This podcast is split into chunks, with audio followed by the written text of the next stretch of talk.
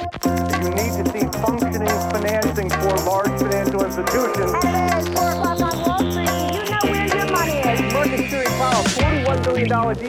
deal. Det är en bra början. Det Tre, tre amigos, tre korta amigos. Ja. Tres amigos, du är 1,76 på passet. Kom Det du är då. 1,70, jag är 1,76.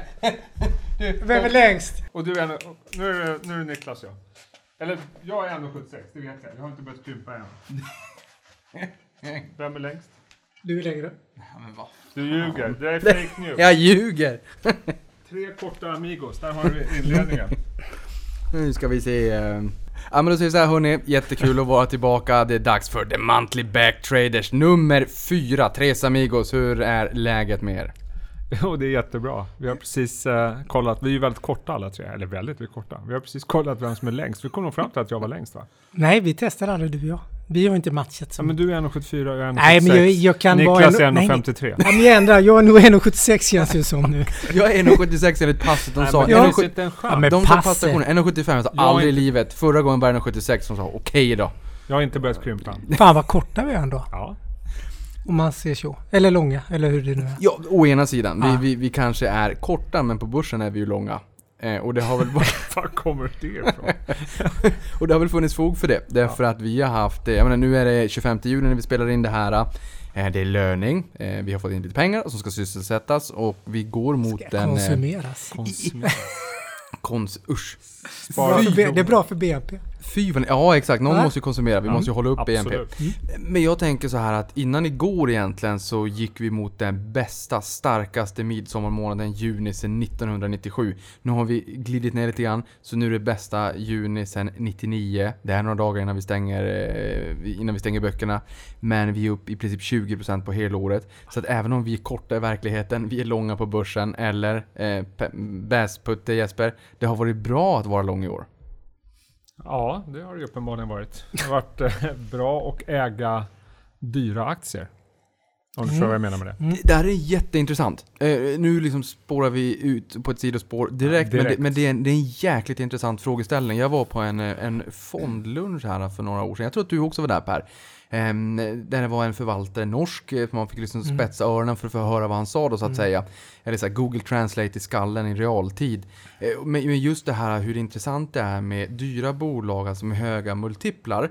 Men där en eh, liksom, kvalitet kostar. Och där han sa att man hade kunnat betala 50 gånger eller 60 gånger för det här bolaget och ändå få samma avkastning som eh, Stockholmsbörsens snitt så att säga. Eh, och just hur, hur bra bolag med vinsttillväxt kan, kan vara bra köp även fast de är, har höga multiplar. Och det tycker jag är ett intressant resonemang. Jag tror att det är kvalitet. Jag tror du är inne på en jätteintressant grej. För det är ju lite, jag vet vad du pratar om, vi har ju träffat honom båda två. Denna unga norrman får jag väl säga. Eh, nej men kvalitet. Men Just jag, det, han var väldigt ung. Ja, jag, nu har vi inte sagt om det. Nej, vi Vi inte. kan väl säga så, Ja, men vi, han har, ju- ju- vi, har ju inga, vi har ju inga restriktioner i den här Vegard. podden på något sätt. Vegard, eller hur? Vegard och Vegards kollega, ska sägas. Oddbjörn. Ja, Oddbjörn. Ja, men de pratar ju Vegard har inte köpt, fyllt 40 än. Nej, jag vet. Jag hoppas inte de lyssnar Jag är nu. 10 år äldre än Ja. Jag är... Men hans karriär kanske har gått lite bättre, vad vet jag. Men men, skitsamma. Eh, Fortsätt. jo, jo, med kvalitet. För Ja. jag vet ju åt Björn har jag varit och lyssnat på. Och det är ju mycket, de pratar ju om en grej som inte pratas ofta om när man gör aktieanalys, tänker jag på. Det pratas lite om det, lite kött och blod, det är bra med ägare, liksom ledningen. Men liksom den här ultrakvaliteten på ledningen, när det är så här super duper management. Jag tänker Amazon, jag tänker Nibe, jag tänker... Ja, Men, ta, och, och, får, jag, får jag lägga till en ja sak? men lägg på. För, eh, Eller lägg till. Men... Jag tror dessutom har nu, nu är ju liksom människor är ju Mm. redan nu oroliga för vad som händer när Gert-Erik lämnar Nibe. Mm. Eh, men man var lika orolig när Fredrik Karlsson lämnade Lifco, kommer du ihåg det? Ja. Bara, ah, Det titta, nyligen. Fredrik Karlsson är Lifco. Mm.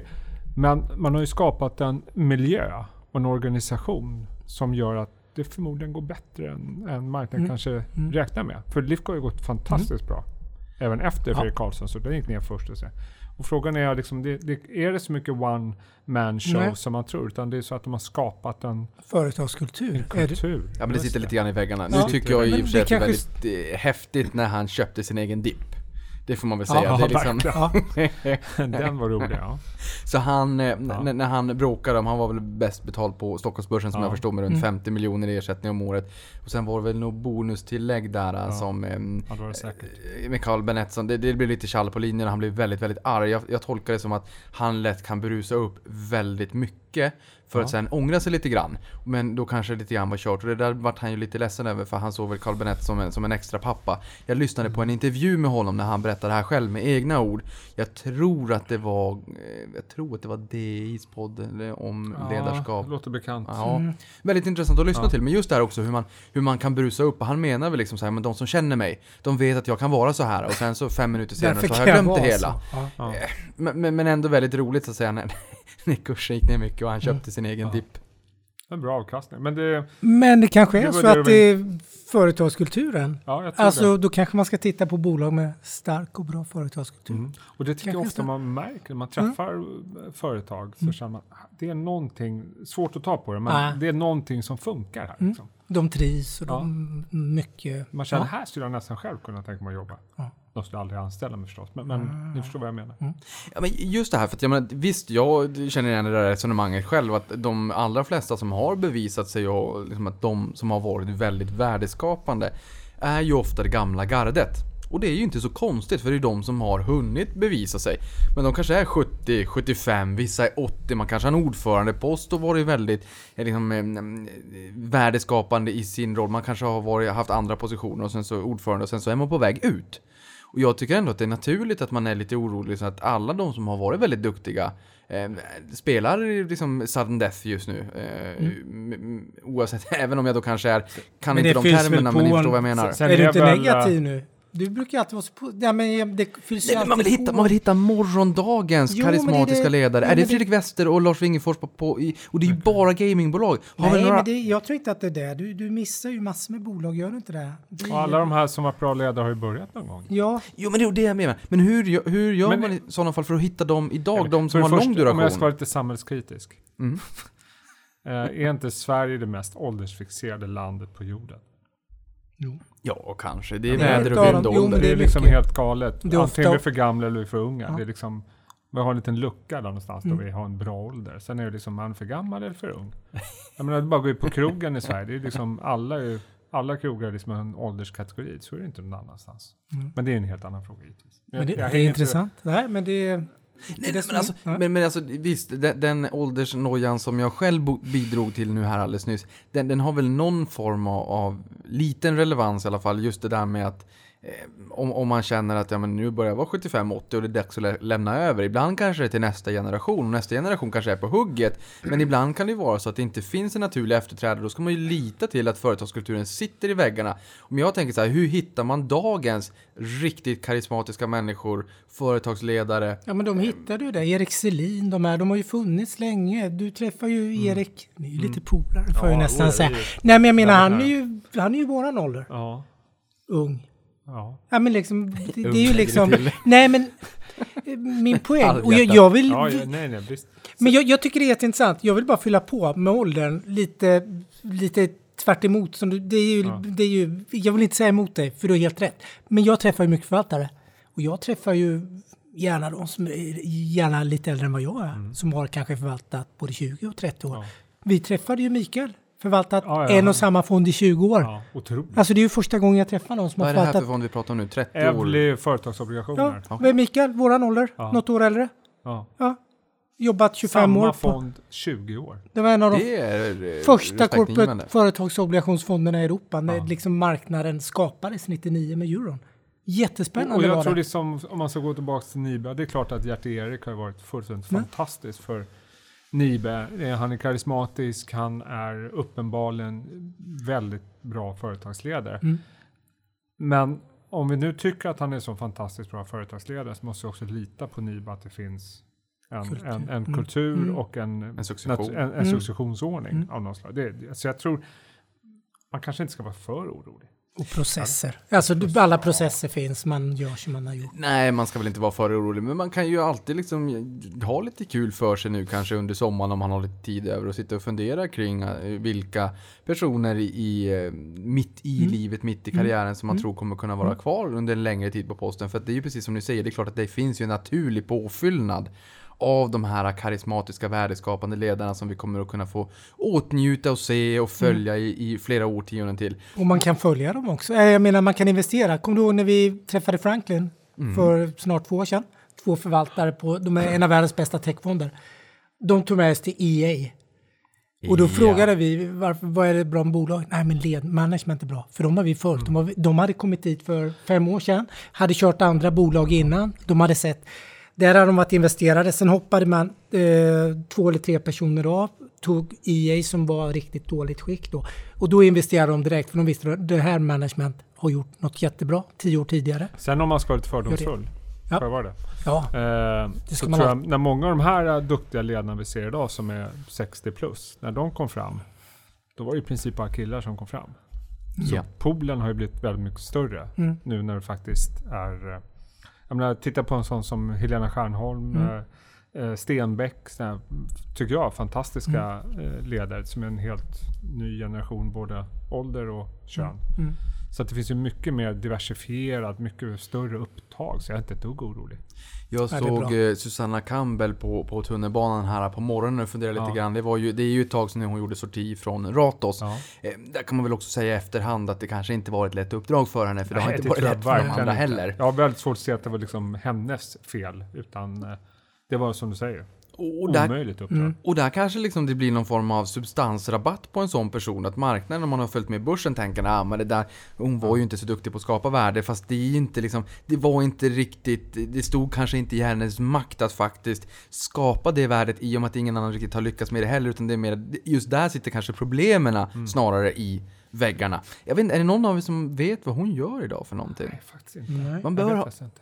Ha lite mera koll. För jag tänker sådär att det är kul att följa människorna i branschen. Man, man brukar säga att finansmarknaden är ju en liten ankdamm.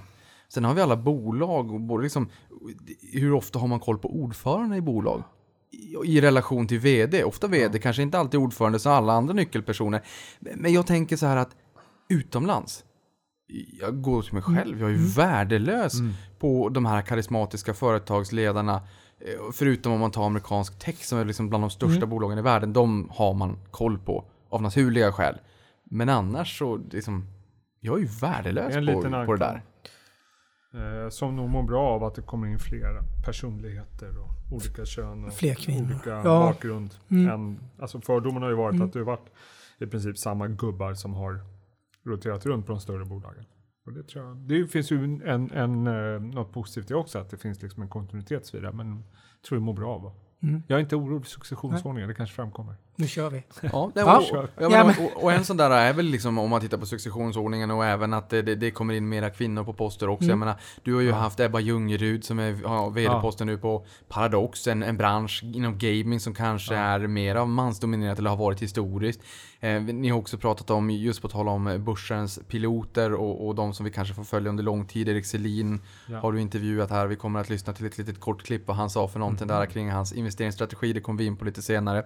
Men hörni, jag tycker att det är hög tid att kika på de aktierna som har stigit och tyvärr också sjunkit mest sen vi sågs sist. Nu har ni fuskat lite grann för jag såg att ni Nej, försökte jag, kika på jag har glömt bort det redan. Men men jag säger så här, vet ni vilken aktie som har rullat bäst? Volvo är ju inte börsnoterat. Eh, Volvo personvagnar. Vil- Vilken aktie har rullat bäst Det senaste är ju en månaden? ledande. Ja, den är så ledande. SKF. Va? Det är ju mamman till Volvo till och med Ja. SKF. Ja, men det- den här är lite svårare. Vet ni vilken aktie som har eh, via sin eh, eh, vakuumdivision sugit upp aktien mest?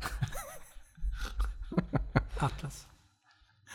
Ja, säger du högre? Atlas. Atlas. Sen har vi ju, eh, ja hur ska vi göra det här? Det, det vi kan säga om den här aktien det är att vi har ju faktiskt inget besked ännu hur, hur det blir med norska Okkokrim och eh, de, den Åh, rättegången som blev eh, överklagad.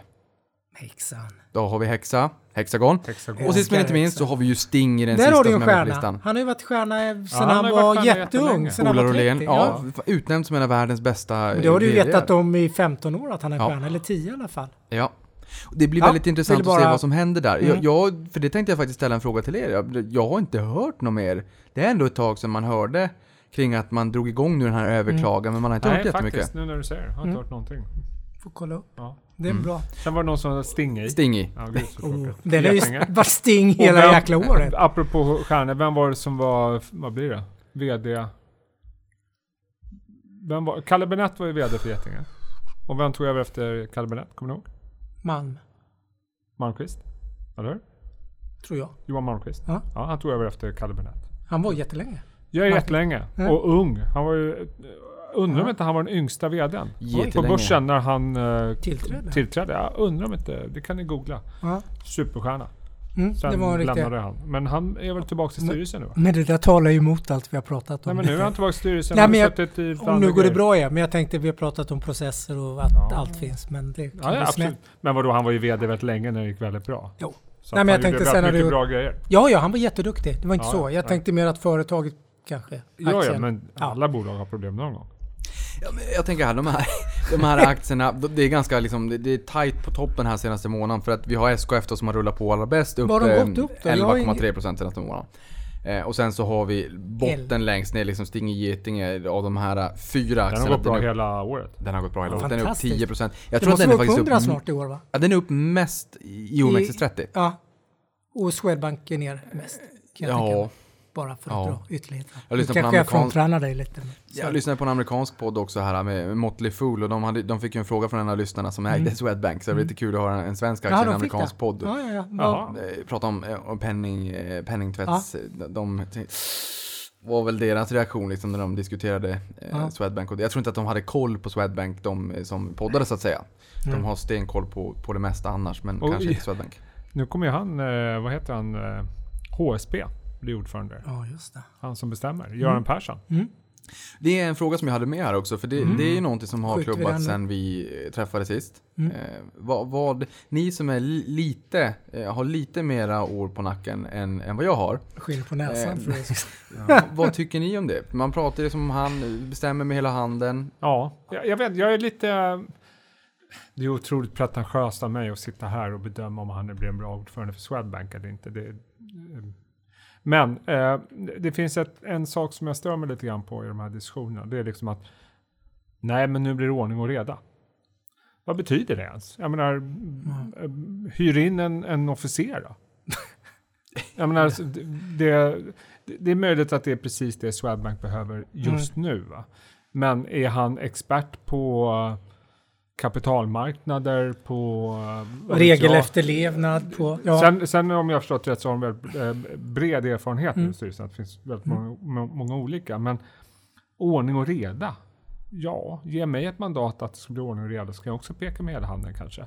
Så att det man behöver i långa loppet det är ju någon som faktiskt har visioner, som kan vara bra eh, led, liksom du vet, få Swedbank. För Mm. Swedbank, om vi ska vara ärliga här nu, eh, har det varit liksom, det har varit lite en folkbank, men de har ju knappast varit liksom best in class på de olika områdena om vi jämför Mm. med de andra svenska bankerna. Det har varit lite mysigt och lite sådär folkhemligt, eller folkhemsattityden på det. Så att eh, jag tror visst, ordning och reda är säkert bra i början, men vadå, är det den bästa egenskapen man kan ha som ordförande till ordning och reda? Men du säger ju svaret. Alltså det?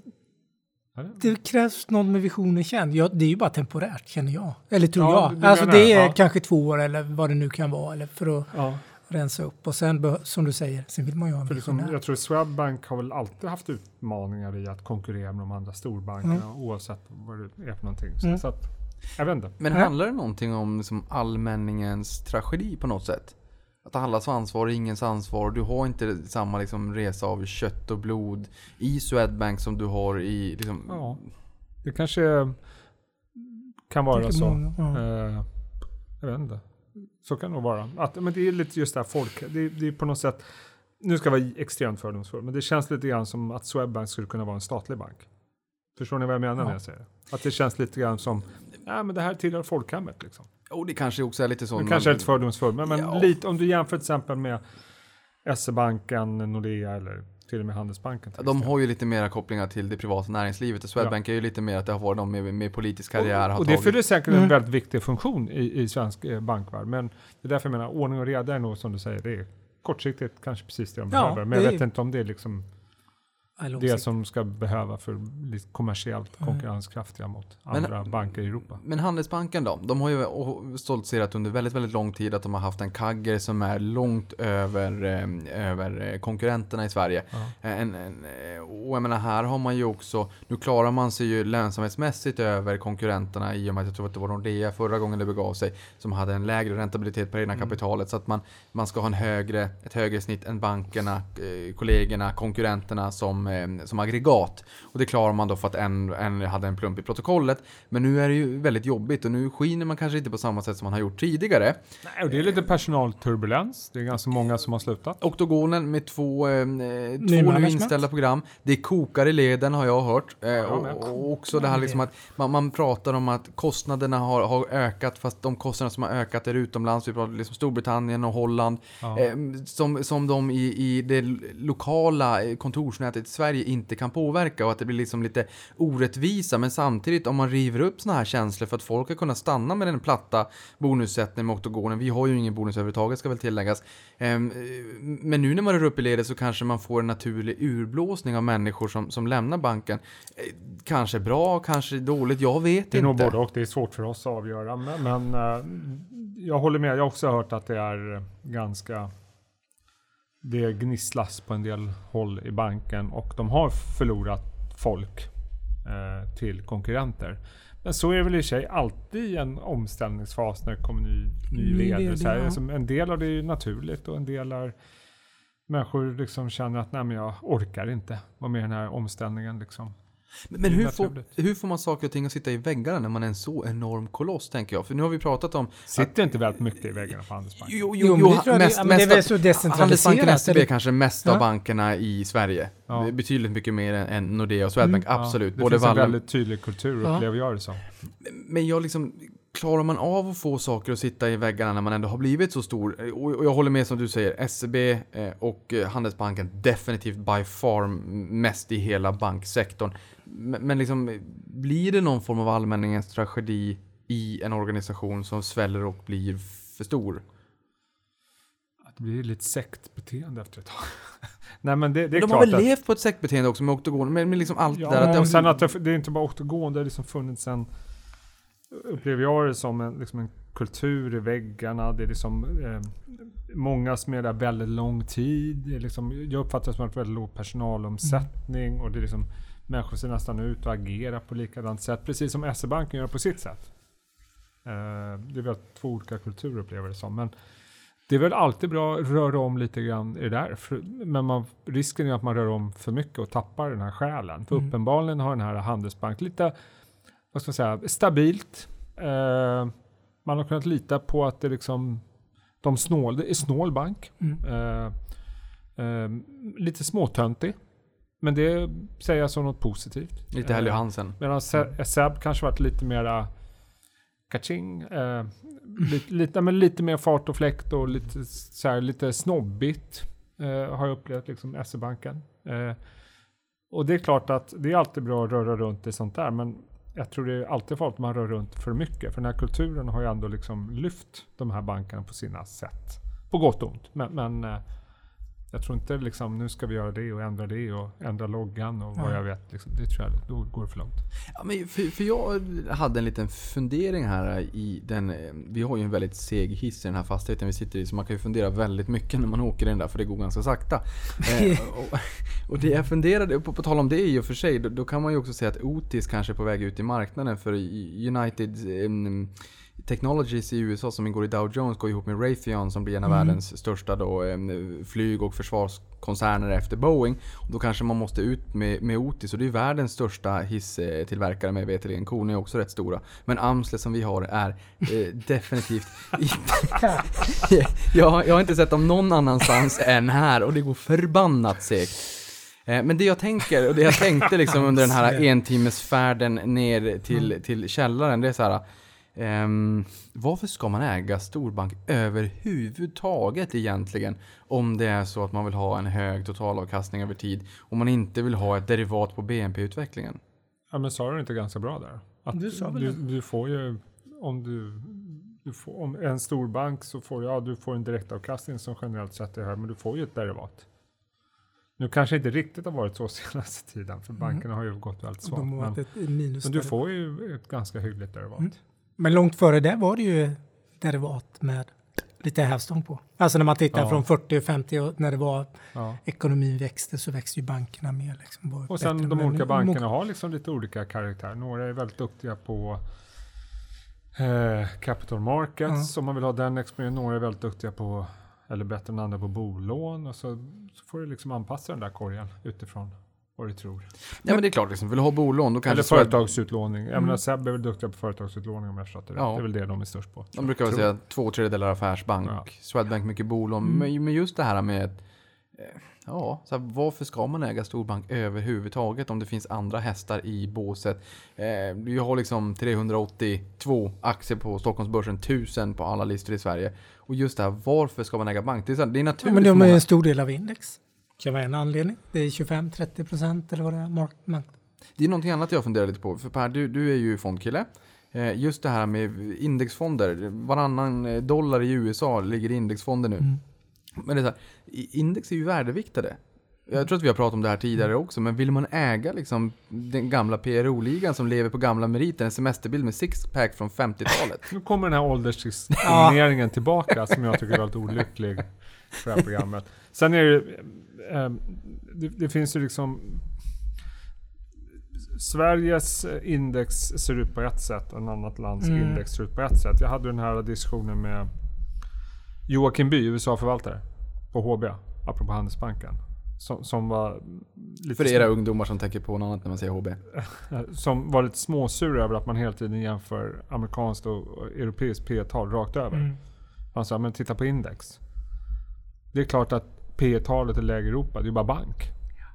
Medan USA är i tech. Ja. Men om du liksom gör en jämn indexfördelning, då är P-talet inte högre i USA. Så att det kanske är så att köper en amerikansk indexfond om du vill liksom ha mer exponering mot det. Eller om du nu gillar banker, det gör ju du uppenbarligen inte, så kanske man köper en svensk index. Jag menar, Nej, men det, index Ja, men jag- Man får inte liksom jämföra index rakt över. Liksom. Nej, det här är ganska Det är ett intressant. derivat som sagt på eh, storbolagen. Ja, men det här är intressant och det är en bra påminnelse för Sverige 50% bankverkstad, nu Nor- Nordea flyttat till Finland så kanske lite mindre. Men ändå ganska mycket och det är som du säger, i techbolagen var 25% av S&P 500 och av Nasdaq-börsen då så att säga. Så det är ju en helt annan karaktäristika. Bankerna ligger på P 10 11 det är klart att de drar ner snittet. Så det, och det är väl en anledning till varför jag säger också att jag går inte över ån efter vatten, jag går över ån efter saft. Andra bolag som inte finns i Sverige. Det är därför jag investerar i utländska värdepapper, utländska aktier. Och Så det det är ju väldigt, det är en väldigt bra poäng. Absolut. Men till det försvaret, det, kommer ju det finns ju faktor i index och index som är viktade efter utdelningssil och lite andra. Alltså mer sånt där Sånt smaskigt. finns. Ja men det finns. borde ju också trenda. Ja. För jag tänker så här, då kan ju folk fråga varför äger du Avanza då?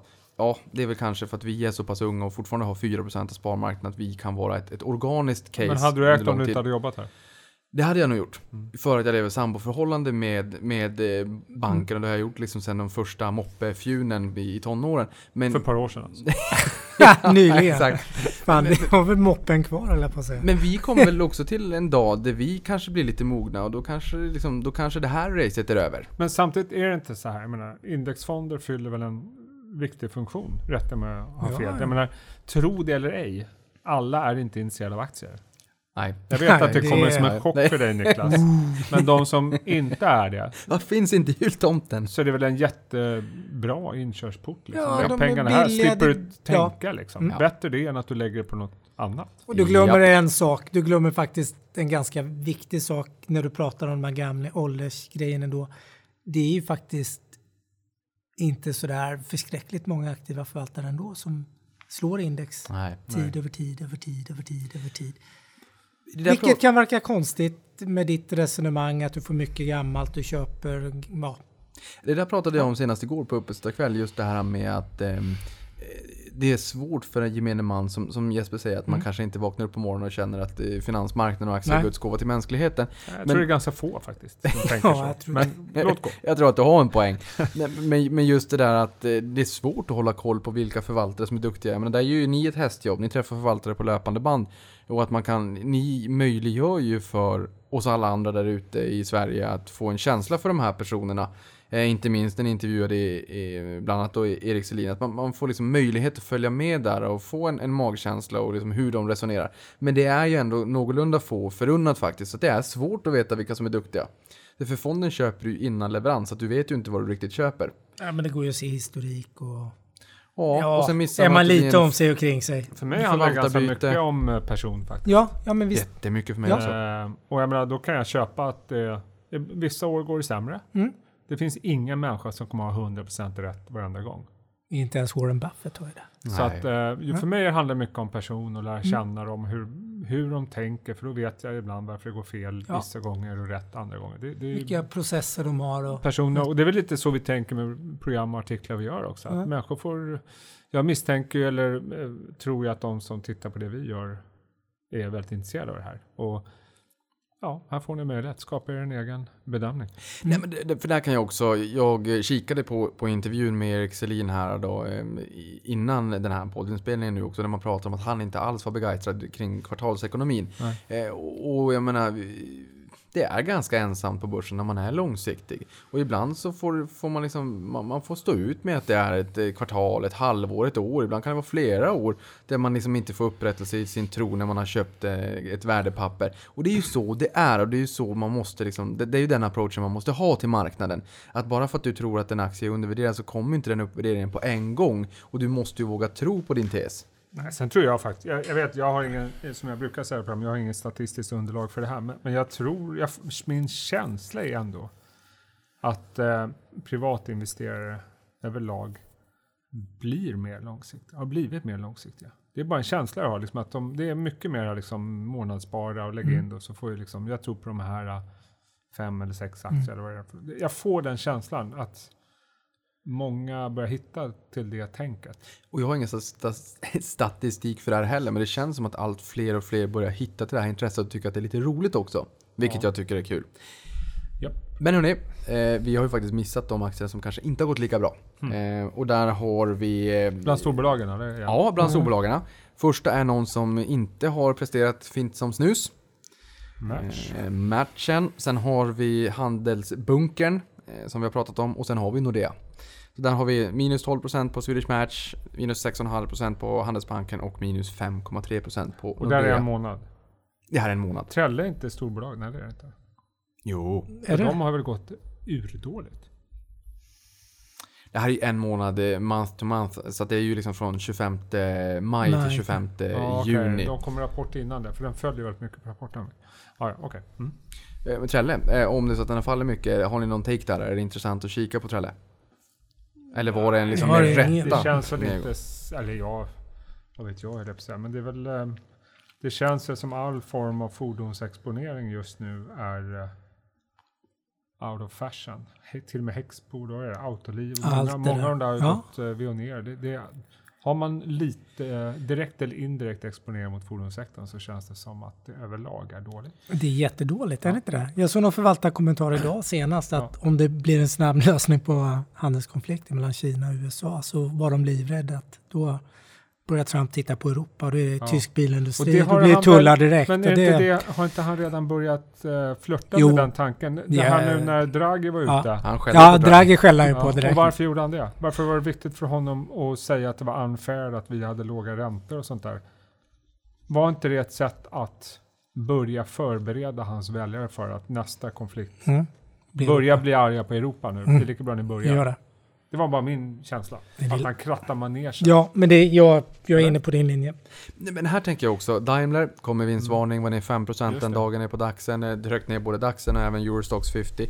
Ehm, och här kan man ju liksom fundera kring frågan är väl liksom så här, vad får det här för implikationer på svenska Mm. fordonsrelaterat men även ute i Europa där då. Och det här är ju liksom baserat lite grann på Dieselgate och det kommer ju komma lite botar och, och sådär.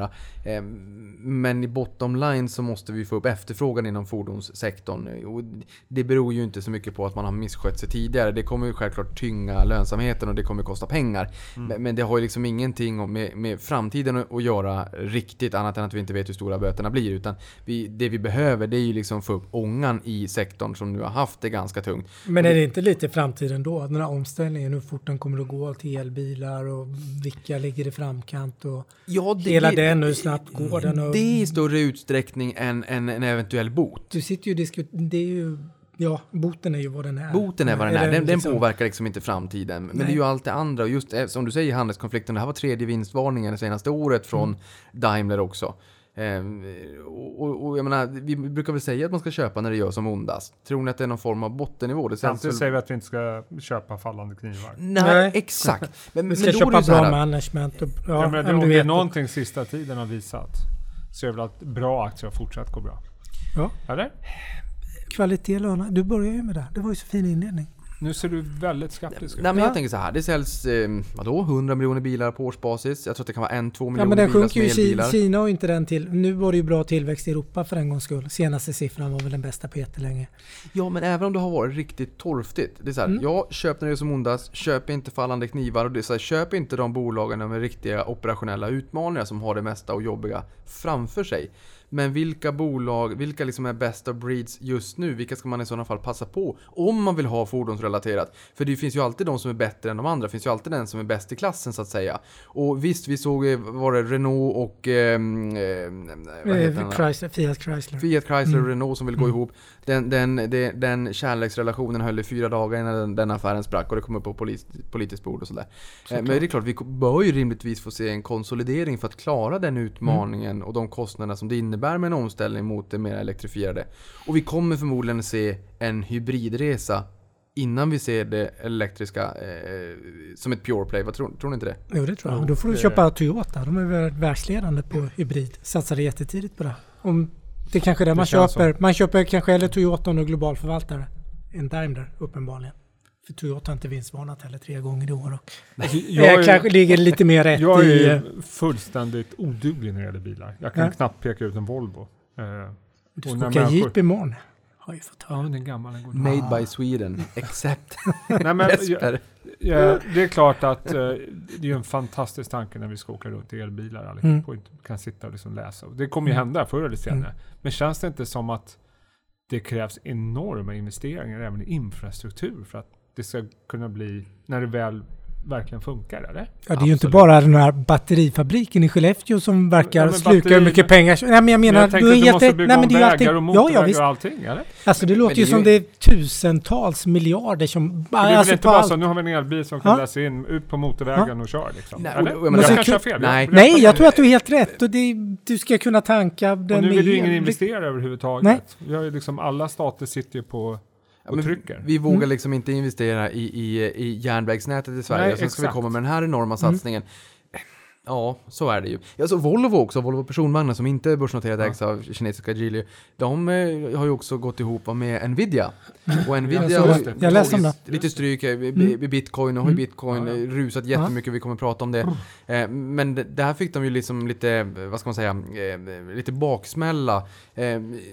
Just det här kring bitcoin-hysterin då som, som fick lite en våt filt Mm. över sig. Men jag menar, en, eh, en viktig mover för framtiden för Nvidia är ju självkörande fordon där de levererar lösningarna. För de har ju Den alltid är så här, ju- när du Mm. var ung och satt och spelade Counter-Strike, då, då var det grafikkortet När jag var ung spelade jag inte Counter. Nej, du spelar Fia med knuff. Men, Men okej. men då sköt de Monopol ju... spelar väl du som gillar börsen? Men när jag var liten så var det så här 15 kilo 19 tums dataskärm som var tvungen att konka när man skulle på LAN. Eh, och då satt man och, och, och då sköt ju grafikkortet eller GPUn sköt ju ut en bild på dataskärmen. Ja. Men, men nu- ska ju Nvidia göra precis tvärtom. Nu ska de ju ta in en bild från verkligheten, från det sensorerna, Mm. kameran ser av vägen och identifiera och make sense of it all som Mm. Richard Quest säger. Eh, och då kunna liksom leverera den här teknologin till självkörande fordon. Jag vet inte hur stor del av Nvidia det här är, men jag tror att de tycker att det här är en stor del av Nvidias framtid. Såklart. Jo, men det, Ja, jag men tror det- liksom att det här är klart att det här är, en, är framtiden. Sen är frågan, tar det fem år eller 50 år? Och du har helt rätt, för hela infrastrukturen. Nu pratar vi ju 5G, då måste vi ha 5G. Nu går det ju inte att bygga riktigt 5G, för nu en av de, den som är ledande vad jag förstår, nu kanske jag svär i kyrkan, verkar inte vara Ericsson, men nu kan man ju inte liksom, det är ju, Du kanske har sett Ja, men så allt. mycket på Tillbaka Ja. till framtiden, men måste inte finnas liksom sensorer på vägarna Jo. och liksom massa grejer? Och som du säger, 5G måste väl, ja, och 5G måste väl finnas. Så även om batterier. vi idag uppfann massa tillräckligt många elbilar som funkar så känns det som att det räcker inte. Nej, Eller? vi, vi måste se till att pågen får el först. Och sen, sen kan vi leverera el till bilarna. Eh, men, det här med 5G var ju också en intressant nyhet nu i veckan. Att Ericsson stöter på lite patrull. Där USA nu ska eh, utreda huruvida man faktiskt kan säga nej tack och stopp till 5G-utrustning som är tillverkad i Kina. Alltså inte bara att det är Huawei Nej, som jag inte förstår får... även till... Mm. Och då kanske man också måste flytta produktion. Så det här rör ju liksom upp i den Hur gick politiska Ericsson? Jag grytan. missade det. Hur, eh, kommer ni ihåg hur aktien gick på det? Eh, Ericsson? Ericsson var ner 1,5% Ja, procent. det det, kan var liksom, det, var ingen, det var Nej. ingen jättehappening. Eh, eller ja, det kanske det är för bolaget men inte på det finansiella planet. Ja. Ja, Eh, bra. men men eh, nej, det är en intressant utveckling. Det är skit... Eller förlåt, ursäkta. Men det är bra, det är spännande. Och det är som du säger, man får nog se på hela all infrastruktur runt omkring. ja, jag misstänker det. Sen har du en intressant poäng tycker jag att staterna gasar ju inte. De måste Nej, gas... det är sånt här man ska investera. Det att räntan investera i fram... Ja. Vi sänker räntan bara. Nå, på tal om räntan. Ja. Eh, G20 i helgen. Finans, eh, finansministrar, centralbankschefer eh, runt om i världen samlas. Börjar i Japan på fredag. Förväntningarna är rätt högt ställda har jag förstått. UBS var ute med en, en rapport som sa att man, man eh, tror på en global recession. Att vi då slungas in i en global recession om man inte får någon form av framsteg mellan Kina och USA. Och just den biten känns väl inte superoptimistisk? Att det ska komma till på G20? ja, de ska ju träffas. Det är väl Jo, men Nej, ja, nej, men jag förstår. Nej. Du och jag ska träffas i Örebro, det betyder inte att vi flyttar ihop. Liksom. nej. Och att Nej, vi men jag menar, fattar några bra det är ju- beslut heller. Jag vet inte, men, men eh, så jag vet inte. Det kän, är det inte lite upplagt för att det blir en Och negativt. besvikelse? Fa- Fast Trump, ha, Trump Ja. han, han, Ja. glättrar sig ju och, och liksom speglar sig också i, i utvecklingen för kanske primärt Dow Jones också. Både Kina och USA vet ju vad som står på spel om de inte kommer närmare. Det behöver inte innebära att de kommer med en lösning, men att de bara kan säga till marknaden att de har kommit lite närmare. Det gör han ju till och från ändå, Mm. sen så går ju Vita huset ut och dementerar. Eh, Samtidigt är det ju ett chicken race också. Man vill ju liksom, man vill ju inte kanske komma överens förrän man verkligen har fått de bästa, sötaste villkoren för det egna landet. Eh, Jag vet inte. Det är, Det är ju ingen som vet Det liksom men- går ju från dag till dag, twittrande och hur... Vi får se vad som händer, men... eh, Men det kanske är lite för optimistiskt. Nej, jag håller med. Marknaden är ju duktig på att bli lite för överoptimistisk Ja, och överskjuta exakt. på. Men de ni pratar Som med räntan. Eh, Pratar man någonting om USA-Iran då? De spänningarna som har seglat Nej, upp? nu när det inte är så Nej. jäkla mycket Nej. faktiskt. Eh, det gör man inte. Eh, jag tror att det är väl som alltid med marknaden, att man har svårt att hålla flera bollar i luften. Man fokuserar Mm. på ett problem Mm. och så kör vi på det och sen Mm. när det problemet är löst, då kan vi gå över till nästa problem. Visst är det ganska Lite så. klassiskt för börsen att man bara in- kan fokusera på en, en Ja. riktigt stor sak Mm. åt gången? Ja, dessutom är det som, jag tror vi pratade om det förra gången, det, det är ju så sjukt komplicerat. Det finns ingen som vet hur den här handelskonflikten kommer sluta, eller Iran. Så liksom, ja, man kan försöka göra en smart gissning, men det blir liksom, Det blir inte ens smart håller jag på att varför säga. vill man lyssna på mig när det gäller sånt? Liksom? Nej. Eh, nej, nej, men någonting man vill lyssna på dig. Jag tror att den som lyssnar på det här liksom kände att man inte riktigt fick svar på det här alldeles nyss. Jag ska, eh, jag ska låta dig besvara på vad, eh, vad spelade du när du var liten då? Jag sa Fia med knuff, jag vet inte vad det var. Monopol tror jag. Dungeon and Dragons? Vad är det? Dungeons and Dragons, men inte det, Va? det, det, jag känner mig Nej, jättegammal nej, nej, nu. nej. Nej, kortspel, kortspel. Kortspel. Vi Nej. satt med ett eh, kollegieblock, här rutkollegieblock Ah, och ritade och vi ah. hade olika, jag var en alv eller något sånt där. Aha. Men det var ju helt så här, vad heter det, analogt. En alv. Det Ja men du vet, man, det var ju Ja, som eh, Sagan om ringen typ, fast man satt Okej. med papper och penna, satt hela somrarna. Jag spelar Monopol. Monopol och Ja, Och nya, mycket och, och nya Och finans. kort spelar man. Ja, det gjorde man Eh, mycket. och då. sen någon gång, när var det början av 80-talet så här, som det kom Atari och Pac-Man och såna grejer? va? Det, det det det? Pacman gillade Det var ju jättehäftigt. Ja, Då tyckte man, kul. nu är vi i framtid, nu är det Nu grejer, är vi- händer vi och, sen, och sen hade vi Movieboxen som vi Ja, fyllde just våra det. dagar. Man, den var bra. Så att, eh, det spelade jag. Bra, då har ni Mm. fått svar på, på det också.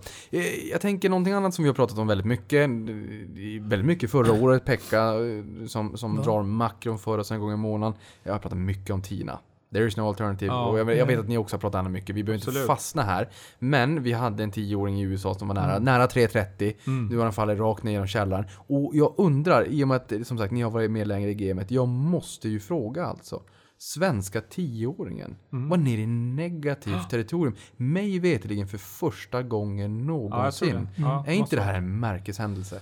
Det är en märkeshändelse och det här är min spontana känsla är, som som jag tror jag pratade med med förvaltaren om, hur länge kan man köra det här reptricket? Ja. Jag menar, du nämnde alldeles nyss att det finns en risk för recession. Jag menar, nu finns ju väldigt många signaler som visar på att väldigt många räntemarknaden tror att ekonomin ska bli sämre. Vi har guldet går upp, bitcoin går upp, eh, flödena till fonder går mot obligationsfonder och så vidare. Vad säger det här oss? Men ändå är vi i en situation då marknaden fortfarande jublar över räntesänkningar. Och då undrar jag liksom, hur länge kommer vi gå på det? För det är trots allt en signal om att någonting inte står rätt till i ekonomin. Kommer vi liksom tro på det här så länge vi blir av med jobben? Jag vet inte- liksom inte riktigt. För mig är det lite, jag, jag förstod det kanske tidigare när man räddade oss från finanskrisen att det behövdes som, de här kraftiga stimulanserna. Men hur länge kan vi liksom sänka räntan innan människor börjar tänka efter, vänta, är ekonomin på väg rätt ner i källaren eller? Det är väl inte bra för företagen vars aktier vi köper på börsen. Jag, vet, jag tycker bara det känns, just nu känns det aningen surrealistiskt kan jag tycka. Men vi måste kanske ta en eh, strukturell fundering kring om de måtten vi använder för att mäta inflation faktiskt är de rätta. Relevanta, ja. Mm. Ja, för jag menar, tänk så här, vi, många av oss, vi äger ju vår egen bostad i Sverige. Priserna är i och för sig ganska höga också. Och Jag menar, om räntorna är låga, det är mm, heydays. Därför att vi Ja. binder inte speciellt mycket, eller absorberar inte mycket räntekostnader. Som att vår disponibla inkomst är ju jättehög. Så att även om räntorna Tills vi fortsätter... blir av med jobbet. Och tills vi blir av med jobb. Men då tänker jag sådär att det kan ju vara i vissa sektorer. Men, men lite grann hönan och fjädern. För är räntorna låga så kommer vi ha hög disponibel inkomst. Vi kommer kunna konsumera. Det kommer stötta ekonomin vars eh, 70% av BNP är konsumtion. Men samtidigt är det så att de här signalerna vi ser nu är det rätta att vi snart går in i, i en recession eller lågkonjunktur. Då kommer ju människor, då kommer ju arbetslösheten förmodligen öka för att det kommer gå sämre för företagen. För efterfrågan på deras produkter kommer minska. Vilket gör att de kanske gör sig av med personal. Och då tror jag inte det spelar stor roll vad räntan är. Får du inte lön som betalar hyran eller så, eller? Men vad är det man Men vill med lägga då? Jag menar, vi, är inte den... Alltså jag tänkte på men Den är väl till för att stimulera. Det är så jag tänker. Att, Ja. Det är väl så marknaden tänker att ja visst, det kanske blir sämre om ett halvår, ett år, men kanske Så blir kan bättre vi, om två det år. får vi se. Ja. Eh, Men, eh, är just det- nu känns det ju bara som att det är TINA som gäller. liksom. Men å andra sidan, USA växer ju mer än någonsin. Det är ju helt brutalt och det har varit bra tillväxt i Sverige under många år Men om och du, den överraskar. sammanvägt global konjunkturindikator pekar väl ändå neråt? Ja, det, det må det göra och den har gjort det under flera år och Kinas tillväxt eh, drar ju faktiskt... Jag, jag sitter inte här och säger att ekonomin kommer krascha. Nej, det, Eh, Men just att de här sign- det är så många signaler Mm. nu. De kanske är helt fel, jag har ingen aning. Men som ändå visar på att någonting händer med ekonomin. Mm. Och räntemarknaden brukar ju vara före. Och att Ja, då det- aktiemarknaden helt okritiskt säger det här är bästa som har hänt. Aktiemarknaden. nu men- kör vi. Juni, bästa Nej. månaden sen. När vi egentligen borde tänka efter ett varv till kanske. men maj var ni 9 och men maj var ner mycket och sen tänker jag, du eh, Ja. Jesper, vi får ju lite, kanske inte facit, men det kommer ju ändå, vi står ju inför en rapportperiod. H&M kommer ju senare i veckan. Och, så vi kommer ju ändå få indikationer, dels svart på vitt hur det har gått. Ja. Och där Ja. var ju Q1 helt okej. Ja, se Q2 och lite vad de säger För det känns ju som framåtblickande resten av bolagen är året. inte riktigt där Nej, räntemarknaden nej. är. Men, men, men då kan man också fundera lite grann kring så här räntemarknaden och konfidensindikatorer och, och, och konjunktur, konjunkturindikatorer. Eh, hur mycket påverkas av och hur mycket sätts räntemarknaden ur spel där vi just nu befinner oss? Man brukar säga att eh, räntemarknaden, de, de ser riskerna och aktiemarknaden kanske ser möjligheterna. Eh, och håll tätt bakåt och full fart framåt och allt vad det är. Men, men, liksom, hur mycket sätter man de gamla sanningarna ur spel? This time is different. Ja, ja, ja, ja, då kastar vi oss tillbaka till Alan Greenspan. Det, och det ska man ju akta sig för att säga förvisso. Men, men this time kanske är... diff- Alltså världen har ju aldrig varit så här global. Det var ju ett, ett, ett, eh, Nej, och vi kraftigt har aldrig haft så här uppvaknande. låga räntor. Nej, det och var ju många stimulanser. det var ett kraftigt uppvaknande under finanskrisen hur globalt sammanflätad världen var. Mm. Eh, Vi har aldrig haft så här låga räntor. Och vi kanske får se ännu mer stimulanser. För är det penningpolitiken nere i källaren så är det finanspolitiken som många har sagt Det är kanske där vi behöver nästa stimulans kanske. Definitivt. Eller? Men jag tänker på en annan Ja, sak. det är svårt det där alltså. Vi pratade i ditt och datt lite, men jag läste idag senast. Kina har mest miljardärer i världen nu i absoluta tal i huvudet. Jättemånga. Vi har en medelklass i Asien som bara exploderar, som är extremt köp... Då måste Stark. jag säga en rolig grej. På vägen hit idag. Fortsätt först. Ja, nej men lite, det, alltså om man tittar på dem i det positiva, att det, det skapas ju väldigt mycket pengar, folk får löner och Absolut. bonusar och det skapas nya förmögenheter och det är hungrigt och man driver konsumtionen och ja, produkter som Ja, vi men så pratar om det. och bolag. Men eh, kör, jag vill det höra var något så roligt. kul när du nämner det här med Äh? miljardärer eller miljonärer. Eh, jag var ute och gick med min son idag. Vi skulle göra någonting. Och så kom vi liksom vid Stureplan där som är liksom epicentrum för svensk vad man säga, konsumtion vad man ska Mm. kalla det för. Och på vägen så var vi liksom först, han är väldigt duktig på bilar till skillnad från Mm. mig. Så han bara, "Ah, kolla där är en, vad det nu heter de här bilarna, Lamborghini och det var liksom så här riktiga, till och med jag såg att det här är liksom Mm. Det här är grejer. vrålåt. Och så var det någon annan som jag tyckte var, kommer ihåg vad han sa, men det var någon platt, de här platta bilarna. Ferrari. Och så Min frågade, favorit. så fråga, frågade han mig liksom, ja du har till och med, Ja, han frågade mig så här, varför är det så många sådana där lyxbilar på gatorna? Och då försökte jag förklara för honom Ja. skillnaden mellan hög och lågkonjunktur. och försöker komma in på det, liksom samhället, liksom vissa perioder så går det väldigt bra, många Ja. har jobb och så. Ja. Så att det är klart att eh, nu lever ju vi i bubblan Stockholm. Mm. Viktigt att komma ihåg, samma sak med USA och de stora städerna. Du behöver inte åka så himla långt ut för att se att det är inte lyxliv överallt. Jag har aldrig sett en Ferrari eller Lamborghini Nej. i Boden. Stockholm är en bubbla det gäller det, men här mår ju människor uppenbarligen exceptionellt bra. De som rör sig i centrum och så vidare. Eh, så att det är ju en speciell tid. Och det är klart vi har inflation i Stockholm. Mm. Det är ju bara dumheter att säga att vi inte har det. Det är ju fan bara, bara köpt, köpt den här kaffen för som jag har framför mig. Jag vet, du tittar, du skulle aldrig göra en sån grej. Men, Nej. När det bjuds nej, men alltså att det är klart att du var inne på inflationen. Det är klart vi har inflation i Stockholm. Ja. Och förmodligen i Malmö och Göteborg också, Mm. misstänker jag. Ja men det känns som att KPI liksom, den, den korgen som Riksbanken sätter ihop, och nu är väl KPI Ja. F va?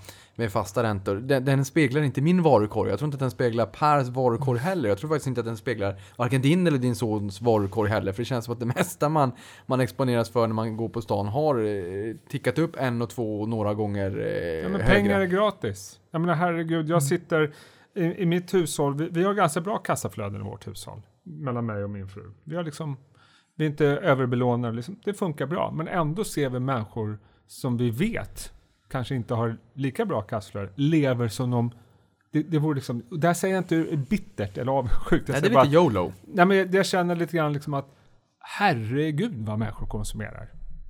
Reser hit Mm. och det är Instagrambilder på, de äter lunch på det där stället varenda dag. Man känner, fan, är det jag som är snål? Och jag vet, du vet, jag är inte snål människa. Nej, för jag har reagerat över dina du semestrar någon kaffe? gång och tyckt att det lät li- lite väl det är för mycket. fan ett och ett halvt år sedan vi hade sparat ihop liksom. Så att, men Ja. det är ju uppenbarligen att jag tror liksom dels är det inflationen, dels att människor har jobb. Men sen tror jag liksom att det finns, alltså hela Stockholm är ju som ett jävla Instagramkonto. Ja. Som, och som givetvis drivs av högkonjunkturen och liksom att människor har det jävligt bra. Jag svär för mycket. Nej, men, jag menar allvarligt talat, så här, Instagram som ägs av Facebook, de spär ju på eh, BNP globalt. Alltså, om man ska de gör. Det måste filosofera. vara jättebra det för är klart BNP. de. För att folk vill ju show off. Ja, Såklart. det är det jag är inne på. Det, är Mm. liksom, det är ett Instagramkonto i hela Stockholm. Handlar ju om att visa upp vad man har. Där har du inflationen. Ja, Instagram-inflationen. Sen jag vet, det är en bubbla, Stockholm. Ja. Det är, jag, jag fattar Ja, men det, det. ja. Eh, men det finns ju många bubblor. Alltså du ja, har en men Stockholm är London-bubbla. trots allt en ganska stor del av, av ekonomin. Och Jo, det, ja, där men på jag Malmö och Göteborg ja. också så är det en betydande del av Sverige. Mm. Ja men du har väl samma bubblor i England Ja, och i USA i Holland eller USA eller Klart var du nu är liksom. Allt ska vara liksom ett vyksemesterkort. Liksom. Mm. Hörrni, eh, tiden går jättefort och vi har liksom bara, vi har massor av semesterkort. punkter och vi har liksom en liten, en liten tid att passa idag Ja men också. kör på. Men vi kör på lite snabbare takt. Jag tänker det är en Vad normal skulle du lösning. göra? Du skulle dra. Ja jag ska ju med. Ja. Ja. Jag drar det. Jag, Eh, jag berättar sen när vi närmar oss. Eh, Men förra gången pratade vi lite, om, lite grann om Oriflame. Ni båda hade varit i Mongoliet. Jag Ja. googlade lite bilder på Mongoliet efter att vi kom ut från podden. Tyckte att det såg trevligt ut. Jaha. Ehm, men den första guiden, det första hon Ja, då frågade dig när du kom ur tåget var Va? Sverige? Ja. Oriflame? Do you know Oriflame? sa hon. Do you know Oriflame? Jag bara no. Du tänkte att de skulle säga ABBA. Men det har ju hänt lite grann sen, sen eh, förra Ja, månaden. det går ju igenom verkar det som. Mm. Ja. Ja. Med allra störst. Det trodde jag faktiskt inte. När jag såg budet första gången så Mm. trodde jag inte. Men Du nu var lite känns det, skeptisk. nu känns det som att eh, det är i hamn i Mm. stort sett. De stora ägarna har väl sagt ja? Ja, det tror jag. Ja, nu ja, var väl AP-fonderna ute, ja, någon av dem, precis. igår Så, yes. senast. Eh, Och sen, Bye, bye bye. bye. bye och någonting som annat är bye bye snart. Det är Ja. Q2 och första halvåret för snart är det Ja. dags för rapportsäsongen för andra kvartalet. Ja. Eh, vad har vi att se fram emot? Vad, vad vill ni se i Q2? Vad, vad är det ni liksom kommer spana på allra mest? Nej, men blir det inte en copy-paste på Q1? Man vill Jo. se att man håller eh, estimaten och att outlooken inte är alltför negativ. Enig. Helt- Jag Ja, tror det ja. Nej, jag håller med. Höra lite Ja. om Kina, de som har mycket exponering Ja. där och lite USA. Får se om eh, Ja. bolagen har påverkats av Mm. det som händer på mm, liksom, räntemarknaden och så vidare. Mm. Det känns som att de inte riktigt, vi ser inte samma sak ungefär, Nej. säger de väl. Nej. Och från det ena till det andra då, från Instagram till Facebook. För är det så att man vill show off lite grann på Instagram så vill man ju gärna om man klickar hem saker och ting från utlandet inte betala jättemycket i växlingsavgifter etc. När jag skulle ta ut pengar i bankomaten i Berlin så var det 15% påslag och betala med mitt kort i den lokala restaurangen så är det ungefär 2% på de flesta bankerna. Nu kommer ju Facebook med Libra som ska vara kopplat till en Just valutakorg då. Då är ju frågan där eh, lite grann kring Vad tror ni om kryptovalutan Libra som är kopplad till en, en valutakorg snarare än bitcoin så att säga? Eh, och som kommer att slakta eh, avgifterna för att skicka pengar globalt sett. Om du Per befinner dig i, i, i eh, Sydamerika Mongoliet? så kan Nej. jag skicka med WhatsApp eller Messenger på en, jättesnabbt och superbilligt. Mm. Det blir bra. Och jag, kan ta ut min, och jag kan ta ut mina pengar i min hemvaluta, dollar. Mm. Ja. Men är det inte lite grann som elbilen, att förr eller senare kommer det här, någon liknande valuta bli framtiden? Sen om det blir bitcoin eller libra eller någon annan, det har jag Mm. ingen som Nej. helst aning om. Men att det ändå är på något sätt Någon, vi är på väg. Ja, för jag tänker också nätverkseffekten av De pratar ju om att 1,7 miljarder människor är unbanked men har en smartphone. Det har Paypal också pratat om många gånger. Och det är ju väldigt många människor som faktiskt inte har ett traditionellt bankkonto men som nu öppnar upp möjligheten att kunna skicka pengar både snabbt och oerhört billigt. Jag, menar, det är en, alltså jag vågar inte ens drömma om hur mycket pengar på global basis som skalas bort mellan, eh, alltså i överföringar mellan länder. Mm. Det är ohyggligt dyrt. Det är bara att bankerna ska gå med på det i slutändan. Eller? Mm. Och nu var väl. BIS Men, ute eh, och varnade så, bankernas Ja. centralbank. Men eh, liksom. framtid, det låter ju som att någon gång där framme Ja. kommer det bli det som gäller. Det vad Men jag det verkar väl lite genomtänkt. Det ska väl skötas, eh, någon i Schweiz ska det skötas. Hela- Forskningsinstitutet i Schweiz. Ja, nej men och sen ska Facebook ha hand om själva transaktionerna, liksom spara den datan såklart man vill åt. Och, men, men liksom det verkar ändå vara separerat. Ja men det är många blytunga med, Visa med, Ja. Paypal Ja, med. ja. Men Det- du, forskning i, i Schweiz, jag är inte, Nej. jag, jag är inte nog gammal för att förstå den kopplingen. Nu får Men du... var det inte någon gammal tvättreklam? Eller det var någon... Ja, det var, jo, det, jag- vad var, det var någon sån här... Jag har testat det vid forskningsinstitutet Ja, i typ i Schweiz. Det fanns ju inget jävla forskningsinstitut i Schweiz. det var- var, något, så här- Man, man, ja. det var någon tvättmedel. Ja, det eller var tvättmedel. Det var väldigt roligt. Men- de äldre förstår. Ja men sånt där Ja. kan man ju säga, om någonting kostar skjortan, det är ju för att när man spelade klädpoker så var man tvungen att ta av sig skjortan så att säga. Och jag menar tvätta Var det pengar, någonting du gjorde ofta Niklas, när du växte upp eller? Är det där man gör i Boden? det är höga insatser. Men även tvätta pengar, det, det är ju för att det, maffian tvättade mycket pengar på sådana här tvätte, tvätterier. Där man Tvätterier, ja. betalar en liten slant och sen Precis. så, nu har man ju Och det är väl någonting som eh, kryptovalutorna eh, regleringsmässigt för att det ska bli framtidsruta, att det måste vara. Ja, För bitcoin har väl haft en del sådana anklagelser mot Japp. sig va? att Japp. det är den svarta marknadens... Någonting annat hörni. Eh, Förra månaden så eh, pratade vi om John Mattsson. Äger strax under 2200 lägenheter på Lidingö. Titulerades kassaskåpssäker av Simon Blecker. Vi hörde den intervjun där. Bra. Ehm, I talande stund innan jag gick ner här till studion så handlades den till 112 kronor. Vilket Kom in på innebär... 90 eller? Nej? Kom in på 90, Ja. exakt på 90 spot on. Upp 24,5 procent. Eh, har ni hört något mer eller är det liksom bara... Det, Nej, det man nej. har hört är att fortfarande svårigheter är liksom grejen att vara i. Ja. Det är fortfarande väldigt positivt. Och Med, vi med rätta ränteläge Ja. måste det vara. Jag har faktiskt, jag såg idag en liten flash om Ja. att fastighetsbolagen nu står för 9% av börsvärdet i Sverige enligt Fastighetsvärden. Här är mycket bank och verkstad, OMXS30 Mm. mycket bank och verkstad i alla fall. Sen har vi svansen om man tittar på hela Stockholmsbörsen med mycket annat spännande. Men, men, men här tänker jag så här, hur ska man tänka kring fastighetsaktier överhuvudtaget? Eh, Konjunkturen tuffar på ändå lite grann, vi pratar lite recession, men trots det, det tuffar på ändå lite grann och räntorna är låga och känns som att de har cementerats på de här låga nivåerna. Må så väl om det är en krisindikator eller hur fasiken Nej, men vi det är ska klart, så tänka. länge inte um, konjunkturläget viker för mycket så lär väl fastigheter fortfarande vara i sweet spot. Det är klart att om konjunkturen viker och inte blir en efterfrågan på hyreslokaler eller vad det nu är för någonting, då är det klart att Då blir det tuffare. Och sen, ni hade ju Erik Selin eh, Ja. också som ni, ni körde en intervju i Placera TV där. Ja. Ehm, och det är ju, får man väl säga, Stockholmsbörsens okrönte pilot. Äger typ Ja. nästan halva Balder. Vad är eh, takeaways från den intervjun? Han är ju fantastisk att lyssna på. Han är, han är, det är mycket visdom, det är mycket ödmjukhet. Eh, han är en ledare som vågar säga att det kan jag inte svara på, för jag kan inte. Vilket är eh, väldigt befriande. Eh, han eh, såg positivt på börsen. Han, han ber- berättade mycket om sina innehav också i Collector, eh, Balco. Eh, så att eh, han pratade en del om konsolidering. Han trodde att, han sa väl att det var lite för många fastighetsbolag. Mm. Och kanske för många små fastighetsbolag. Han spekulerade i kanske teoretiskt Kungsleden, Klöven, Castellum skulle Just kunna vara en det. konstellation. Eh, så det var väl det han eh, tyckte. Och, eh, han tyckte ju nischbankerna var på tok för lågt värderade. Mm. Och vi pratade Collector då, men även Resurs och Hoist. Ni- Som han tyckte var billiga. Ni kan ju också googla på Erik Selin och så placera då. Mm. Väl värt ni att lyssna på.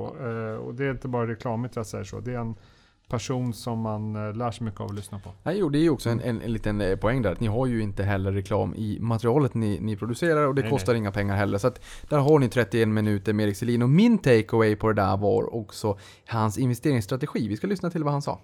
Hur skulle du annars beskriva din investeringsstrategi? Att jag köper aktier som jag köper fastigheter i grund och botten. Jag Ja. köper och behåller och köper och behåller och köper och behåller. Ingen trading här Jag är väldigt dåligt på Ja. det, eller väldigt lite med det. Okej. Så lite hoarder.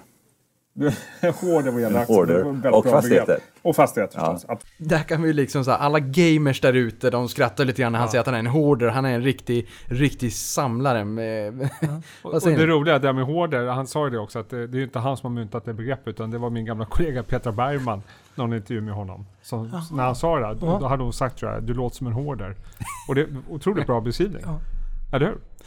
Ja, men, och det- han det- hetsar inte upp sig i onödan, det är liksom, du vet, lugnt. Och han, han är ju som en filbunker liksom. Ja, men han har ju bevisat Ja, eller hur? allt. Det, jag menar, Och det är det som är så skönt Ja. man pratar med honom, för det är väldigt sällan, jag har träffat säkert tusentals gäster de senaste åren. Och det är väldigt sällan jag hör, nej men det där kan inte jag. Nej, men jag vet inte. Och det är ganska befriande ibland att höra, nej men varför ska jag svara på det för? Jag, jag har ingen aning. Så att, nej men mycket ödmjukhet, mycket visdom, väldigt kul att lyssna på honom. Ja men det, det, det är lite grann jag, jag gillar med han och med, med eh, din intervju med honom också. Att det känns jordnära. Och Ja. det, det är det man vill ha. Man vill inte Han har ha... inget att bevisa liksom. Det är- Nej. han är, nej, väl, Eh, jag ska faktiskt eh, förmodligen träffa honom igen här om någon vecka på de här fastighetsdagarna som är nere i, I i Båstad. Båstad. Mm. Där alla fastighetsbolagen samlas. Jag brukar åka dit. Eh, och det ska bli rätt kul att se hur de, apropå det vi har pratat om, fastighets... Ja, de lär vara väldigt optimistiska fortfarande. Ja, och han sa väl det liksom att tyvärr är väldigt många väl- väldigt optimistiska. Och det är klart, Ja. det är ju bra tider för fastighetsbolagen. Ja. Kommer han, de att stå för konsolideringen då? Undrar man. Eller vad tror du? Nej, jag bara... Han det är känns bara en inte riktigt... Jag vet, jag vet Nej, faktiskt. Nej. Nej, om det nu är så Jag många små aning. spelare. Jag, jag har ingen aning. Eh, eh, Bra vuxenpoäng. Alltså en Ja, annan... det beror du. En, jag har, nej men det, det är bra. Vi, vi, vi Nej. har ingen aning. Vi är ju Nej. tre liksom... Jag eh, bara undrar. Simpla, eh, Tres amigos. korta Kort, amigos. korta är vi. Korta amigos. Som tycker om att babbla och bubbla lite aktier. Det är en annan grej som jag tog med mig härifrån. Det är att han sa så här. Att Danmark är ett fantastiskt land totalt sett. Men jag tänker att många bolag har ju gått på miner alltså när de har expanderat till Danmark i alla möjliga typer av branscher och nischer så att säga.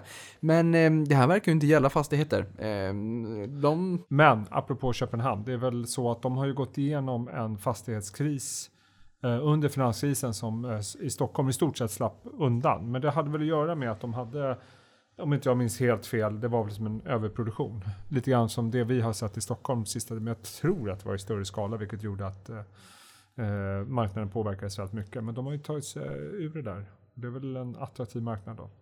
Men när du säger tagit sig ur också, då, då känner jag att du uppviglar lite grann till eh, Uppe sitta kväll, programmet en gång i månaden, där vi igår då, eh, dagen innan löning, den 24 juni, så hade vi med då Anette Frumer på Beskab. Gaskabs vd.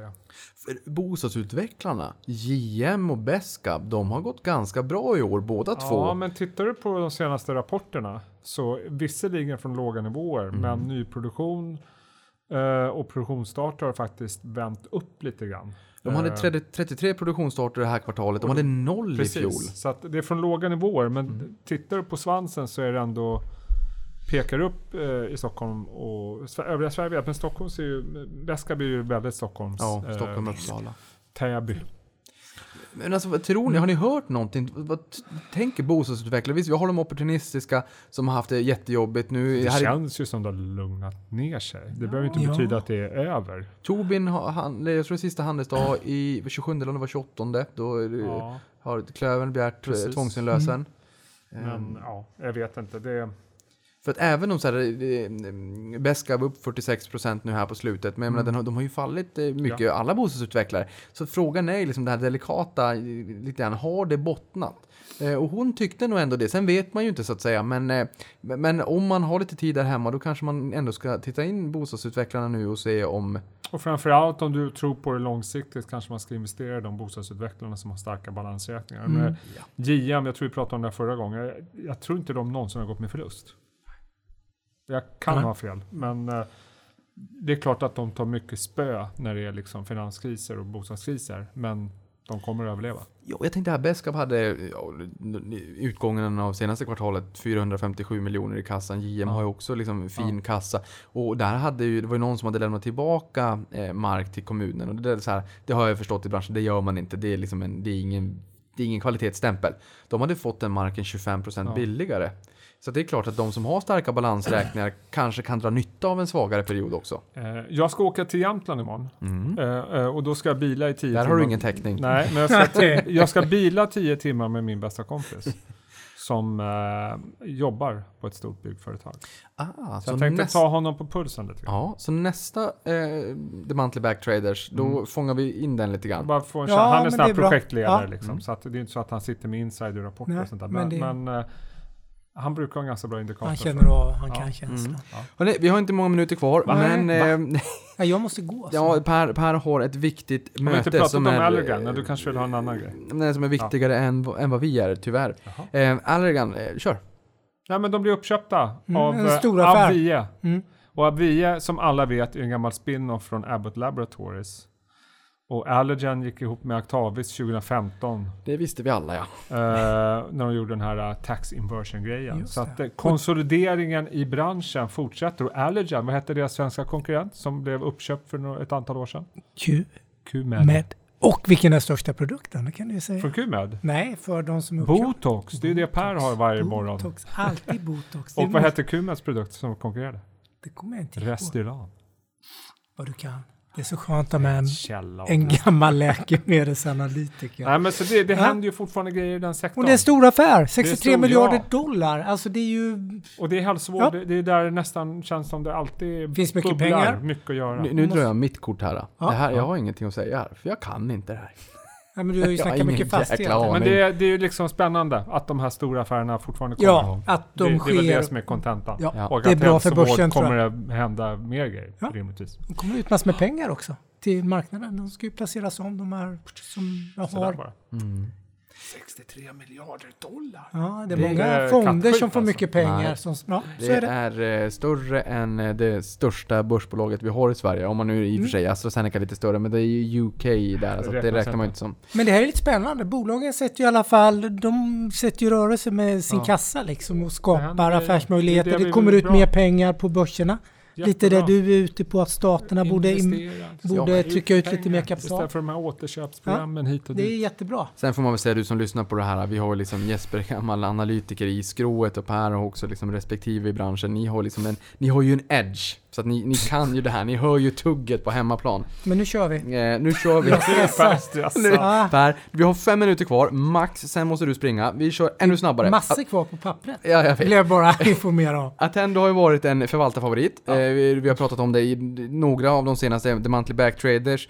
Eh, nu fick vi ytterligare en vinstvarning, den är nere 64% sedan juni 17. Det var en total Det är kollaps, slaktas att 20%. en defensiv till naturen aktie Som tillgod- tematiskt som nästan också. tillgodoser liksom Ja. ett strukturellt problem. Ja.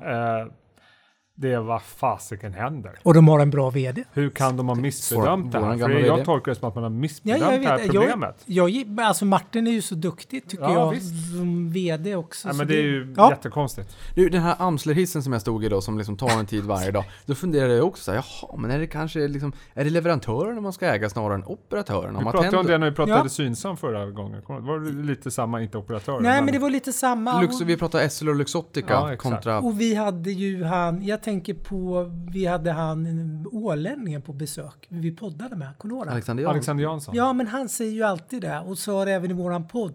Vad är det man ska äga? Egentligen vill man ju äga, man kanske inte ska äga guldgruvan, man kanske ska äga de som säljer spadarna. Kommer du ihåg det? Ja, När det. folk ska gräva guld. Och det är ju vård och Och det är kanske nu, eh, det här är guldgruvan Då är det motsvarande. kanske sängarna du ska köpa då? Ja, Ja, eller fastigheterna Eller- alltså, för det har jag också förstått att det är ett strukturellt underskott av vård och omsorgsfastigheter. Ja, men det, Ja, Arjo kanske? Mm. Eller Getinge då? Getinge har gått bra. Arjo, Getinge, Ja, Arjo. SBB, Ja, det- Hemfosa. Ja, man kanske ska leta lite längre ner i värdekedjan. det kanske är där värdet skapas. Det stora Eh, värdet. Har vi någonting att säga? Dometic var ju föregående månads eh, favorit, den är upp 7,6% nu senaste månaden. Ehm, antingen har vi någonting att säga om Dometic eller så är det bara same same och då kanske vi kan ha en, en aktie som är den här månadens favorit. Vad pratar förvaltarna om? Det, finns det någon konsensus i vad man eh, drar för Jag case? tycker man pratar, även förvaltarna nu som börjar, är många i min ålder, så pratas det väldigt mycket om gamingbolag. Det känns som de etablerade seniorerna förvaltarna som kanske missar det här av, av ålders, vi pratar mycket åldersdifferentiering. åldersskäl. så är det så att eh, många pratar Stillfront, många Ja. pratar THQ, många pratar Paradox. Mm. Kanske framförallt Stillfront Mm. just nu. Att man tycker den är för lågt värderad. Så att, eh, de kanske är sen på pucken, många förvaltare, inte alla givetvis, men eh, det känns Men- som, jag skulle nog säga att det är någonting många vill prata om just nu. Ja. Vi, Kanske vi, framförallt Stillfront. Jag har gjort en intern eh, liksom, eh, uppradning här, vilka som är de viktigaste punkterna att få med nu här. Jag har ett boktips, jag vill bara tipsa om Mm. Bill Browders Mitt krig mot Putin, den vet jag att du Jesper har läst. Jag har läst den. den Du har läst den också? Ja, såklart. Riktigt jäkla bra advändare, vilken nagelbitare! Mm. Han är väldigt speciell. Mm. På Väl, ja, läs den. Låna den på biblioteket om du inte vill betala för den. Eh, Trayton som äger MAN och Scania kommer in, börjar handlas på fredag. Just det, det är Kommentarer? Ja, just det. Kommentarer? Vi hade ju, Jag vet inte. Gabriel hade, våran kollega Gabriel på Han var, Börsveckan. han, Nej, han var, han var basic. inte så jäkla positiv. Teckna det. i skrev han. Ute idag. Kanske är dålig timing på det. Ja, jag tror att han, Ja. det var tajmingen han Ja, var inne jag kan på. Att tänka mig det Men det är kul ändå. kommer på toppen. Sen har vi Billerud Korsnäs. Ja, Där, nu ehm, kanske vändningen kommer för Billerud. Det har ju också varit en aktie som väldigt många förvaltare pratat om länge. 2018 var jättetufft på Mm. grund av stora investeringar och nu säljer man ut den här äh, skogen då. Som, vad var det hette nu? Jag glömt bort den. Eh, Bergvik skog Bergs, Bergvik. precis, det är AMF va? Inte Ja, allt, just men. AMF, 12,2 Delvis. miljarder. Och få bra betalt, synliggör värde för skogen, vilket borde få kanske intresse för Holmen och så vidare Och också, att öka Mm. i, i värde. Jätteintressant. Och få ner balansräkningen. Många, var det? det är någon som sa liksom, det, det är människor som står i startgroparna på att kunna investera i Billerud Korsnäs igen. Hållbarheten har du, du har Mm. massa aspekter. Men de har haft för höga investeringar förra året som har belastat och som har haft den här skogen som Ja, har och väntat på. mycket Så att, skuld och nu blir det så att mycket. eh, ja. det där känns eh, jätteintressant. Mm. Bitcoin från 3000 dollar, eller från 20 000 dollar ungefär, väl, va? ner till Till tre. 3000 och nu upp i 11 000. Jag f- tycker inte att chattret är lika Nej. intensivt som det har Nej, varit. Men det är har- det inte. Det är men det är inte väl, alls. eh, är inte det precis som lite guldet, inga andra har jämförelser? att det, det sig är lite, lite. Det är smygare tycker jag. defensiv Ja. varning. Mm. Alltså inte varning om bitcoin utan att det är kanske Ja, en, eh, hela med tillgångslagen. som räntan och guld och allting, att Mm. den tillhör det tillgångslaget så kanske lite kontracykliskt Kontra... eller vad man ska kalla det. Och guldet har ju verkligen smugit upp. Och centralbanken har köpt mycket guld. Ja, och det, ja. ja. Nu guldet är upp 5% senaste fem åren, Mm. men verkligen men nu sista tiden då? Ja. absolut. Mm. absolut. Och hur mycket är bitcoin upp i år? Mycket. Det är typ 200... Ja, så jag tror att det är en 200 procent. Ja. 3, 6, 9... Ja, det, det, det är över 200 procent. Ja. Mm. Två, två frågor kvar, två jättesnabba. Per, Ja. den är till dig nu här så du får styra hur lång den är. Jag funderar lite grann kring det här med, med passiva flöden så att säga. Vi kanske var in på det lite grann minnet är bra men kort. Men, men det är som passiva flöden, indexfonder, det är jättetrendigt. MSCI ju som, som är indexkompositör så att säga. världens- Är det ett intressant case? De är upp nästan 500% på fem år. Just att om det blir ännu mera indexfonder, ännu mera passiva flöden. Ska man äga en sån indexförvalt eller indexkompositör som tar sky bra betalt för indexkompositionen? Vad, vad, vad säger du om det? Har du någon take? De har gått fantastiskt bra. Ja, men det är, köp det. Det är säkert jättebra. Nej, men jag har ingen... Det, de vet vad de gör. Oh, jag har ju träffat en, en top management där. Faktiskt, i ett annat forum. På AXA var han tidigare. Han, var, han är jätteduktig. Eh, på det vi började prata om. Duktig ledning och så. Nej, men jag tror att det är bra. De vet vad de gör. De har ju nästan ett... Det är en oligopolmarknad, så visst. Och de... Eh, jag tror så här 90 procent av alla stora globala förvaltare använder deras produkter. Det är som ratinginstituten, jag tror att Ja. Selin har Moody's. Ja, men Moody's, vad har det. den gått upp i år? 50 eller 60 procent tror jag. Det är en av de bästa investeringarna i många USA-fonder och globalfonder. Säg inte sådär, du eldar på Eh. min FOMO. Fear of Ja. missing out. Det gäller att springa in i dollarn, blir 5% billigare senaste veckan. Eh, Den kommer bli billigare ja, kanske. Eh, sista frågan. Eh, Ja, du har ju, du har det. Ja, du, du har en blågul, eh, svartgul, svartgul punkt. Är den sista innan vi säger tack och hej. Har vi någonting där? Svartgul punkt. Ikväll när det här spelas in så kör Allsvenskan igång igen. AIK Oh, Norrköping. det är skitbra. Men du, jag hade velat prata lite mer Ryssland och Östeuropa känner jag. Det har ju gått som tåget nu Ja, men sista. du vill Och ju gå nu. Turkiet. Du vill inte Jag, jag vet, men de är inte ens med på Du vill ju göra en exit. Ryssland har gått som tåget. Ryssland Jäklar går som har tåg. gått Vi kan prata det nästa gång. Låg värdering, hög direktavkastning. Det har du lärt mig. Och mycket bättre med Ja. de här... Du kommer nog in i finrummet i Europa igen så kanske. Mänskliga rättigheter. Åh, nu du säger En annan som kommer in i finrummet, det är Tomra i Norge. Med Latour som storägare, det. kommer in i OBX, fin index motsvarande OMXS30 i Sverige. Grattis! Och du som har lyssnat på det här. värdering. Apropå hög värdering, P50. Minst. Nej, 40, 50 alltså. Ja men det är ju bra. Vi träffade ju en av de som investerade tidigt, Conora, som vi intervjuade här nere. En av de bästa vdarna. Han slutar ju nu i år tror jag. Jan Svensson. Jan Svensson. Mm. Just det, det gör han. De var jättetidiga i den där. Han är också På tal om bra bolag, lite Ja. där vi började idag, slutar vi nästan på lite tal om nu med, med bra processer och På tal om- bra... På tal om att man har mer koll på. VD än ordförande. Jan Svensson som vi intervjuade här Mm. är ordförande för Tomra. Se där, Det hände, det visste inte jag. Mm. köp Tomra. Hörrni, nu måste du springa Per. Då, Stort Per. tack, tusen tack. för idag. Tusen tack för att du lyssnade på det här och nu har ni Ja. fått lite punkter Glad som vi sommar, pratar om. eller? Glad som, trevlig sommar. Ha det så Ja. bra. Sol på er. Och lycka till på imorgon. Spring Per.